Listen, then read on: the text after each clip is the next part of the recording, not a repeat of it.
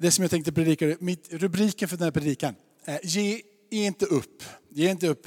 Det, Gud kan aldrig vara någon annan än han säger att han är. Och Jesus kan aldrig vara någon annan än att han säger att han är. Eh, om Jesus inte är den han säger att han är, så kan han inte vara någonting av det han säger att han är. Så vi kan inte ta ner honom, utan han måste alltid vara den som är överst. Han kan bara vara konungarnas konung och herrarnas herre. Annars så kan han inte ens vara din och min frälsare. Han var tvungen att bli människa, han vandrade här. Därför sätter vi vårt hopp till honom. Han är kärnan och stjärnan och centrum för våran tro. Ehm, han säger eh, ganska mycket i bergspredikan, men så här säger han ifrån sju. Och eh, bergspredikan talar mycket om hur vi ska vara, bete oss och eh, hur, hur Gud vill att vi ska adressera honom. Jag tycker det är lite fascinerande kapitel 5, kapitel 6, kapitel 7. Som, som då får, får vara det här, våran attityd mot Gud och någon form av Guds attityd mot oss. Och hans längtan att vi ska förstå att han vill att vi ska söka honom, att vi ska närma oss honom. Blir så sagt genom dessa tre kapitel. För att sen gå in i kapitel 8 där han visar vad det är han har sagt. Han visar med sitt liv vad det är han har undervisat. Och eh, så här står det ifrån kapitel 7 och vers 7. Be och ni skall få, sök och ni ska finna, bulta och dörren ska öppnas för er. Och sen vidare så står det ju att till var och en som ber han får och den som söker han finner. Och för den som bultar ska dörren öppnas. Han talar, talar om redan hur våran attityd emot honom eh, borde vara. Och han eh, går sen in i kapitel 8, evangelisten Matteus. Matteus skriver nu när han har talat om hur vi borde förhålla oss till honom. Riktigt poängtera hur Gud förhåller sig till dig och mig. Han börjar med berättelsen om den spetälska personen de får ju inte vara i socialt gemenskap med gemene man utan de blev satta utanför. Eh, de var orena och var man nära någon som var oren så blir man oren och därför fick de vara utanför samhällena. Så blev det egna byar med sjuka människor. Eh, direkt så säger Matteus att den här spetälske rörde sig in i samlingen av människor. Man tänker lite ibland, undrar vilken attityd och känsla som han hade på sin insida. Och han var väl medveten om att den han rörde vid, den blev oren. Och när han kommer fram till Jesus så säger han, om du rör vid mig, eller om du vill, så blir jag frisk. Och Jesus gör det mirakulösa att han visar att Gud inte puttar ut någon, att Gud inte liksom spär på det här med social distans. Utan han säger, kom nära. När Jesus rör vid honom blir inte Jesus oren, utan den spetälske blir ren. Direkt här så poängterar Matteus att det är så här Gud är. Gud säger att ni ska söka honom Gud säger att ni ska be till honom. Gud säger att det är så här ni ska längta efter honom. Han säger att så här ska ni bete er, ni ska älska varandra. Och när han har sagt allting detta så är det inte så att Gud ställer sig och liksom lutar sig bakåt. Utan det är som att Gud lutar sig framåt och säger nu ska jag visa er i praktiken hur det är. Och därför blir det så vackert på det sättet som Matteus tar det här för dig och mig och visar för dig och mig hur Jesus verkligen är. Det här är en berättelse direkt i början. Nästa berättelse är om den hedniska officeren. Israel är under ockupation och eh, den här romerska imperiet är övermakten. Och den här romerska officeraren likställs ju då för alla judar med den som pressar oss, stressar oss, förminskar oss. Vi styr inte över oss själva.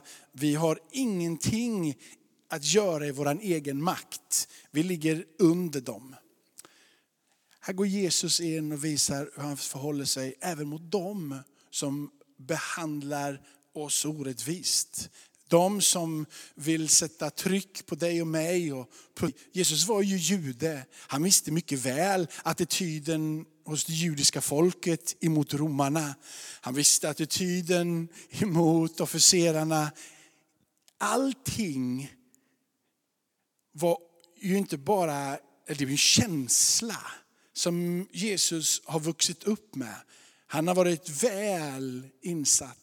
Han är en del av den här kulturen, en del av hela systemet. Han måste ha hört hur judarna är arga, irriterade och höjer sin röst och bara vill att de ska försvinna och kanske till och med döda dem. Han har innan stått och sagt att du ska älska, du ska inte döma, du ska ta hand om och du ska söka Gud först och lägga saker och ting i Guds händer och bygga ditt liv på Guds principer. Han stiger in till den här officeren när officeren kommer. Säger att jag är en tjänare och den här tjänaren ligger lam där hemma. Svåra plågor. Och Jesus möter den här officeraren och talar om för den här officeraren att vad kan jag göra för dig? Vill du att jag ska bota? Han säger, ha förbarmande, hjälp mig. Bara du kan hjälpa. Officeraren kunde också ha hamnat i sin egen... Inte ska jag gå till en jude. Eh, vad ska de andra officerarna säga? Vad ska de andra säga om jag går till en jude och ber om hjälp? Han kunde låtit stolthet vara där. Han kunde satt sin egen position, sin makt, sitt inflytande, sin rikedom och sagt att det måste finnas någon annan lösning för min tjänare. Men att gå till en jude, det gör jag inte. Men någonstans på sin insida så gick han förbi det där hindret av stolthet, hindret utav att vara så, liksom, uh, imo, uh, de här judarna, inte ska väl jag som har så mycket. Han lät inte något av det hindra, inte något av det begränsa. Han bestämmer sig för att jag ska gå till den här Jesus och jag ska tro att han kan vara svaret för min sjuke. Jesus puttar inte bort honom. Utan Jesus visar i handling vad han innan har sagt i ord. Och han säger till och med till den här officeren att så här stor tro var jag inte beredd på att möta. Så här stor tro var jag inte beredd på att se. Men det här är stor tro. Det som du har bett om. Den här officeraren är inte så kaxig heller i berättelsen. För den här officeren säger till mig, jag är inte ens värdig att du kommer in i mitt hus. Att du stiger in hem till mig. Jag är inte värdig det. Han tar sig till den platsen där han har högt anseende. Han är stor, han är stark, han är rik. Han vill inte förminska sig själv. Och så säger han till en jude att jag är inte värd att du kommer in i mitt hus. Han hade sett någonting i Jesus. Han brydde sig inte om om Jesus var jude. Det enda han brydde sig om var att om han har makten att bota, att rädda, hjälpa så är jag villig att gå över min egen stolthet. Jag tänker ta mig förbi det där hindret där andra tycker och tänker om mig. Eller du är så löjlig, du tror på den där Jesus. Hur kan du tro på Jesus? Han går på vatten och de skrattar lite åt dig för att han går på vatten och du håller fast i det. Han är med dig i elden. De skrattar lite åt det. Hur kan du tro på allting som finns där? Jag kan tänka mig vad alla de här andra romerska vännerna som man har runt omkring sig säger. Vi har våra gudar. Varför räcker inte de? Och du går till en sådan. Men han går in. Och Jesus har sagt, Be och ni ska få, sök och ni ska finna och bulta så ska dörren öppnas. Ibland är det vad det är som gör att du och jag håller oss utanför.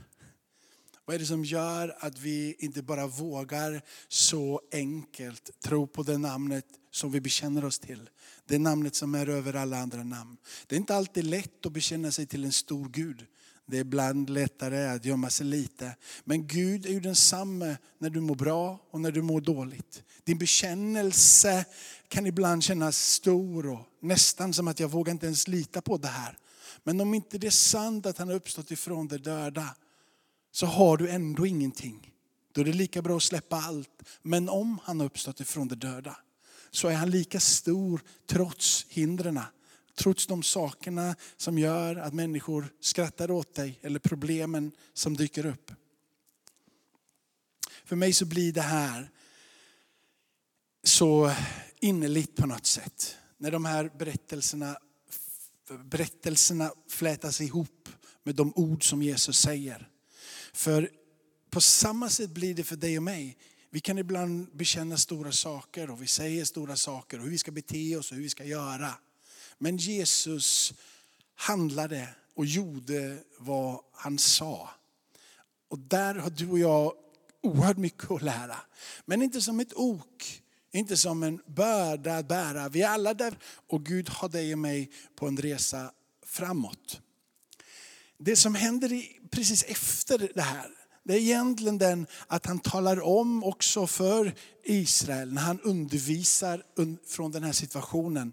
Att det finns massor med folk runt omkring er som är fromma. Som är duktiga och som kan lagen och vet allting om vår historia och håller fast vid våra fäder. Men han säger när han säger att stor tro ser jag i dig. Stor tro har du. Gå hem så som du har bett så ska det ske så bleknar fromheten i de judiska fariseerna, i de judiska religiösa systemet. Deras fromhet bleknar i jämförelse med denna hedning, alltså utanför judarna, som också kallade, alla de som inte var judar kallade de också för hundar. Alla de, det var bara ett ett ord för att säga att man inte är en del utav löftena. Så en hund är någon som är utanför Guds löften, alltså inte en jude. En som är utanför är en hund. Vad de säger är egentligen att så, eh, Gud, så som Gud inte kan välsigna en hund, så kan han inte heller välsigna en hedning. Han kan inte välsigna någon som är utanför Israel. Och Jesus går in och välsignar en hednisk officer som inte har gjort ett enda rätt kanske. Och pressat och dödat och ockuperat land efter land. Och han går in och säger Gud kan välsigna till och med den som har gjort det här. Du och jag, Gud kan välsigna dig och mig. Trots att vi har gått ibland våra egna vägar. Vi kommer till han som officeren och Gud sträcker ut sin hand och han rör vid dig och mig. Och han reser dig och mig upp på samma sätt som han gjorde med den här officeren. Vad jag vill säga med det här, att låt inte stolthet få dig att missa vad Jesus vill göra för dig. Och stolthet kan manifestera sig på så många olika sätt. Men låt inte stoltheten hålla dig borta ifrån det som Gud vill göra. Ge inte upp. Res dig upp igen. Res dig upp igen. Våga ta plats igen. Våga tala ut vem Jesus är för dig igen. Backa inte utan bli framåtlutad i din tro och våga. För han kan inte vara någon annan än den han säger att han är. Amen. Det som hände när jag började förbereda den här predikan, det var att jag läste i en berättelse i kapitel 15 i Matteus. Och eh, här är ytterligare en kvinna som inte är jude. En kanesisk kvinna. Och den här, den här kvinnan, må jag säga, är helt enastående i sitt sätt att agera emot Jesus. Det står ju att han är runt omkring i Judeen mestadels. Och så ibland så drar han sig bort. Och så är han inte bara ibland där judarna är bofasta. Utan det finns en del judar som är utspridda på lite olika ställen. Och här har du två städer som nämns i det här kapitlet. Som är lite utanför själva kärnan utav Israel om man får säga så. Och där utanför så bodde mest människor som vars förfäder har också krigat med Israel genom alla tiderna. Och eh, där bodde en del judar och troligtvis så säger de att, att eh, det var dit som Jesus var på väg för att tala med de här judarna som bodde i de här områdena. Eller så var det bara för att dra sig undan en stund och ha en liten paus ifrån folktrycket. Alltså säger Matteus att när Jesus rör sig till det här området så kommer en kvinna ifrån de här äh, grupperingarna av människor som då inte är Israel. Och äh, den här kvinnan ropar ut det sen får vara med om när Jesus rider in i Jerusalem. Vet, Hosianna i höjden. Hosianna, här kommer Davids son. Hosianna, Davids son. Ja, liksom, det, är en, det är ett glädjerop och hallelujarop. Där dess like, här kommer våran frälsning. Här kommer han som ska ge frälsning. Och hon säger, Herre Davids son. Jag undrar vad hon hade hört för några rykten om den här Jesus. Vad var det som hon hade hört? Vad hade hon sett någonting som gör att hon gör samma resa som den hedniska officeren? Går till det folk vars folk kallar dem för hundar. Och vars fight och strider under så många år. Vad gör att den här kvinnan bestämmer sig för att det är Jesus som är svaret för mina problem? Vi får inte veta varför, men vi får veta vad som händer. Hon kommer och hon ropar, Herre Davids son, förbarma dig över mig. Min dotter är svårt besatt.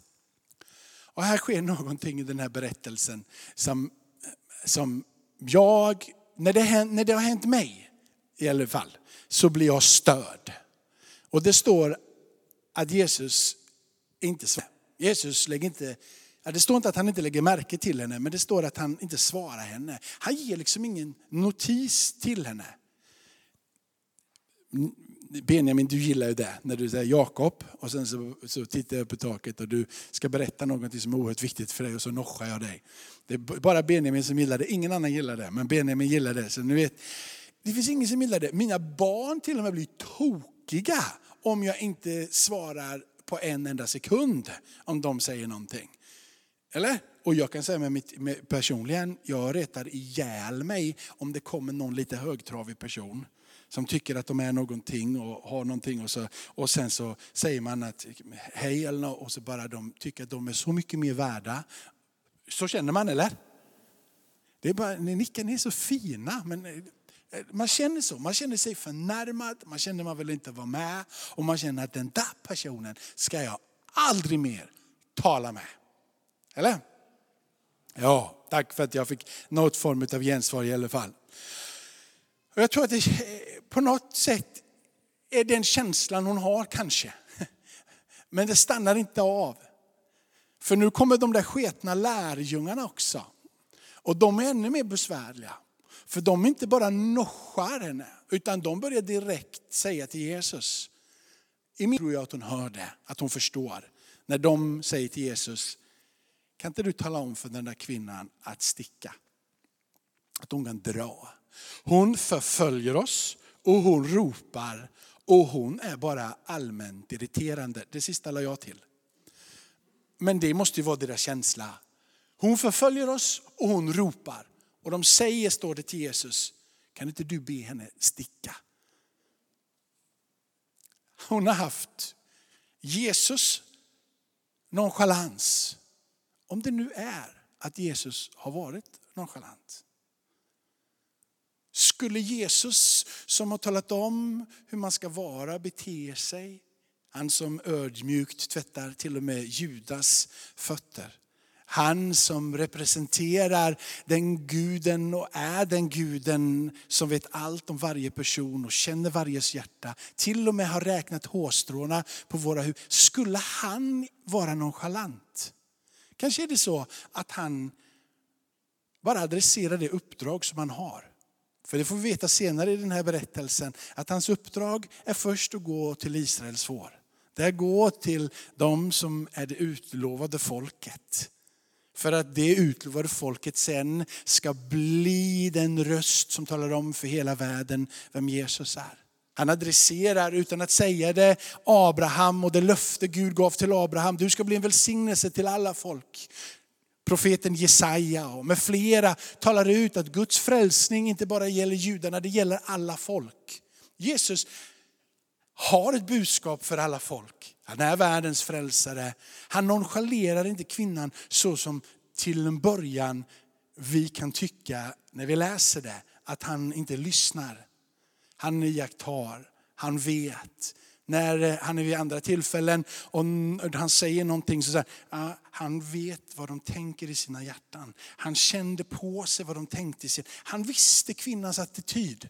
Han visste precis vad kvinnan var i sitt sökande, i sin längtan. Han visste att hon skulle inte ge upp. Och han bevisar för henne vilken tro hon har. Han har redan sett tron. Han har redan lagt märke till hur hängiven hon är. Han har, nog sett, han har ögon i nacken här. Liksom. Han fattar läget. Han ser det och han vill styrka henne tror jag.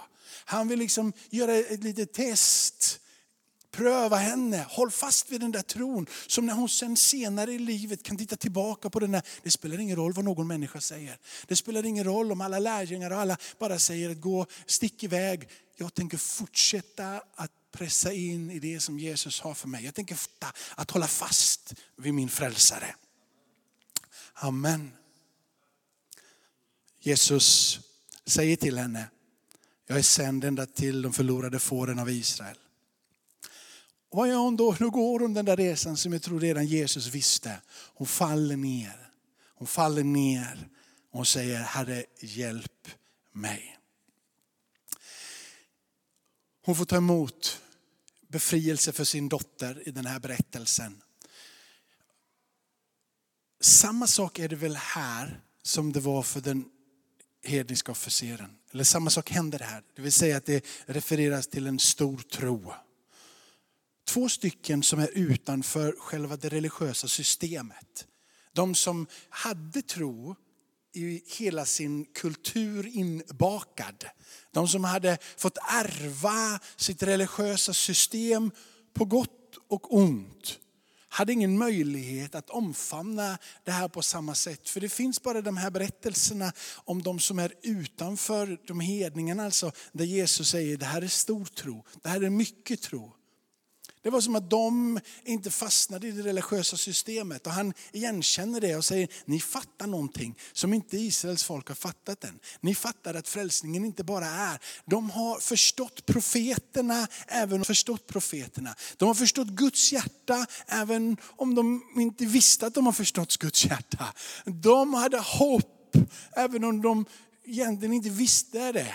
De hade en längtan även om de inte fick ha det. De hade en tro på att Gud kunde förvandla deras liv.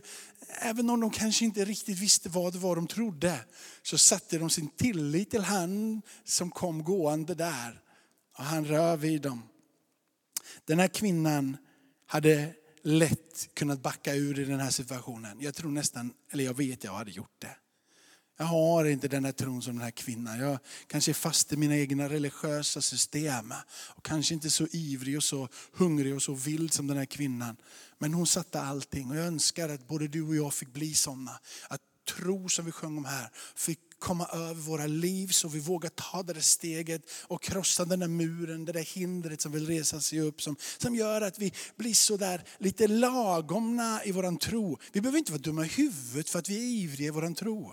Vi behöver ju inte bli världsfrånvända på det sättet för att vi blir galna i Jesus. Vi behöver inte bli tokiga på ICA för att Jesus är konungarnas konung och herrarnas herre. Och vi behöver ju inte vara Jesusgalna när vi spelar bowling och skrika Jesus i bowlingsalen så att alla är liksom hallen så att ingen vågar vara kvar. Vi kan ju spela bowling, vi kan ju också lysa som en stjärna där. Va?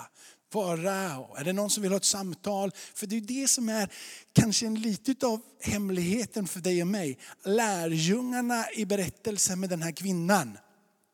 De såg inte möjligheten. En kvinna som har tro. De var fullt upptagna med sitt religiösa system de, nu slår jag lite på dig idag. De var tvungna att sitta och spela lite musik. Vet du. Så de såg inte att det kom in en, utan fastnade i mitt piano. Och jag fastnade i mitt rum där nere för jag ska sitta och skriva en predikan. Så jag missar liksom när någon jag ska sitta och skriva någonting. Eller, jag, jag, vi blir alla sådär att amen, det, jag har mitt vi blir alla sådär, det här är lite obekvämt. Och vi blir alla lite så här att det här känns inte, ah, jag har inte riktigt tid. Vi kanske ibland missar, precis som lärjungarna missar, att den här kvinnan, hon är ju en kandidat till att bli en efterföljare till Jesus. Det här är ju en person som det lyser om. Kanske ville Jesus testa lärjungarna. Hur ska lärjungarna bete sig? Lärjungarna säger visa henne iväg. Aj, aj, aj. Men hon säger, här ska jag fram. Lite känslan är att de människorna som kommer till kyrkan har den attityden. De har den attityden, det spelar nästan ingen roll vad man säger, ja, men vi, vi är inte så bra. Ja, men jag vill ha ta på Jesus. Eller man bara säger, nej, men vi är ingenting för dig, jag vill ha ta på Jesus. Det är som inte spelar någon roll riktigt vilka vi är. De vill bara ha en enda sak och det är Jesus. Amen. Kommer ni ihåg berättelsen om den kvinnan, den eh, änkan som kommer till den här ogudaktiga kungen?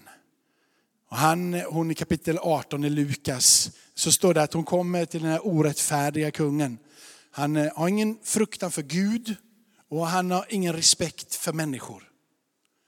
Och hon kommer med sin tvist och hon säger jag vill ha rätt emot min motpart.